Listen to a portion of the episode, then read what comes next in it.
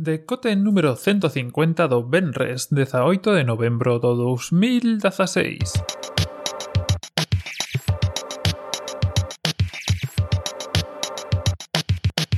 Bos días e benvidos a este novo decote. Hoxe temos dúas cousiñas que celebrar. Primeiro chegamos ao número 150, que bueno, non está mal. E eh, chegamos ás 2000 descargas, que xa sabedes que non son exactamente 2000 escoitas ou nada por o estilo, pero bueno, aí estamos e nun alarde de, de transparencia como sempre, se queres máis datos podes pedilos, chegamos, superamos co podcast de onte ás 2000 descargas totais. Bueno, xa sei que hai podcast que consiguen cun so episodio, pero bueno, nos imos así despaciño e con bo paso. Dito isto, pois pasamos a falar das cousiñas que se nos quedaron na semana. Temos pendiente falar do tema da GoPro. Comentaba Marcus no, nos comentarios, comentaba nos comentarios, evidentemente, do blog outro día que, bueno, que 2500 unidades eh, e bastantes vídeos con bastantes vídeos con casos de, de GoPros caendo el SOS eh, non é algo que se poida considerar casos guillados e que, bueno, que non lle sorprendería que, que, que estivésemos ante un novo caso do tipo de Samsung. Evidentemente, se si só se venderon 2.500 unidades, que é algo bastante ridículo a nivel unidades, eh, que haxa 10 ou 15 casos, pois son bastantes casos. Quer decir, non é o mesmo 15 casos para 2.500 unidades que 15 casos para 2 millóns de unidades. Evidentemente non é tallado. Pero ao mesmo tempo, por esta mesma razón, eh, non é un novo caso tipo Samsung, quero decir, algo moito máis concreto, moito máis específico e moito máis, aínda que poda ser perigoso porque caen do ceo e tal, eh, non vai afectar en esa medida a tantísimos móviles. Quer decir, os millóns de móviles que vendeu Samsung e que podían explotar non son comparados cos unidades que vende o que vendeu GoPro e que poidan caer. Ademais de todas as medidas que hai ahora mismo en España, eh, para o tema dos, dos drones, de onde se poden voar, como se poden voar e todo ese tipo de cousas. Pero bueno, evidentemente, eh, algo que, que está por ver, parece que apaciguou a cousa, non saíron novas novas, non saíron cousiñas que que, eh, bueno, de maior importancia, así que entendo que vai ser algo que simplemente vai pasar e afectará a GoPro, evidentemente, como empresa, pero quizá leva o seu peche e ese tipo de cousas, pero máis aló deso, eh, por tipo de por temas de gravedade non creo que chegue. Dito isto, que era un tema que tínhamos pendente da semana pasada, pasamos a falar de cousiñas que se presentaron esta. Eh, empezamos con a noticia de Engadget, bueno, a noticia xa en Engadget, pero eh, leva rolando xa unha tempada e que Facebook eh, deixará de recopilar datos de WhatsApp en toda Europa. É un pequeno follón que hai montado desde fai un tempo, xa sabedes, eh, o tema do, do cambio de WhatsApp, da recopilación de datos, da relación esta que iba a haber entre Facebook e WhatsApp. Bueno, pois pues parece ser que en Europa, só en Europa, eh, algúns dicen que non nos van facer, outros dicen que van parar, porque en algún sitio xa se está facendo, pero bueno, para a cousa, explícanmelo mellor eh, no artigo de Engadget que vos deixo na descripción. Ademais desto, eh, temos outros servizos, se falla, falábamos da HBO, hoxe temos que falar de Amazon, que chega chegará en decembro a todo o mundo. Amazon Prime eh, Video, que como se chama o servicio de Amazon de vídeo, chegará en decembro. E eh, como sabemos isto? Pois iso é o máis interesante, ou por menos para min é o máis interesante. Hoxe, 18, sae ou é a estrea, entre comillas, mundial de The Grand Tour, que como sabedes é o programa que fan a xente que estaba antes en Top Gear e que votaron pola pifia de Jeremy Clarkson.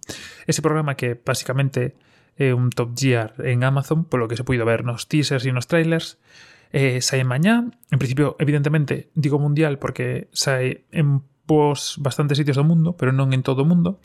Eh, sae en Estados Unidos, UK, Xapón e algún sitio máis que me estou esquecendo por aí y sairá en decembro de forma mundial, é dicir, en todos os países do mundo. E daqui ven un pouco o, o tema de, de que vaya a sair a nivel mundial. Para poder ofrecer esta serie a nivel mundial eh, de Grand Tour, terá que empezar a ofrecer o servizo, aunque só se sea con esta serie, a nivel eh, mundial. Así que, se te falábamos de HBO, hoxe toca falar eh, de Amazon Prime Video e de que será en decembro. Quizá non a moita distancia de HBO. Comentaba eh, o no solar en Twitter que, bueno, que o tema este de servizos aí a lo loco, pois que quizá vaya, vaya a chegar o momento de, de poñerlles freo. Pero bueno, isto é, é como todo. Creo que que saian servicios é positivo, en sentido de que máis oferta e que a xente poida decidir, e, e que logo cada un pois pues, xa elixe por que servizo pagar e por cal no. Pero bueno, nunca creo que, como sempre, terocios e que as opcións compitan entre elas sempre nos vai a deixar os nosos usuarios en mellor posicións e, e con máis opcións, evidentemente. Ademais deso, o 1 de decembro tamén son os Game Awards deste ano 2016, que é unha ceremonia así un pouco controvertida normalmente, con moito anuncio, moito teaser e pouco premio, e parece que este ano vai cambiar a cousa.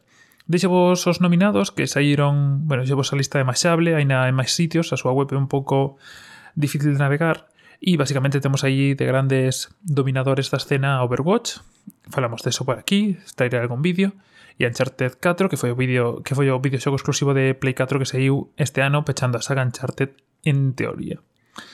Ademais deso, en el Gadget outra vez eh, falan de, eh, do tráiler de Ghost in the Shell, que sabedes que a película de Scarlett Johansson, da que saiu un tráiler esta semana, e compárano co tráiler eh, anime que de principios dos do de principios de 2000 non de finales de 1990, de 1996 o por aí.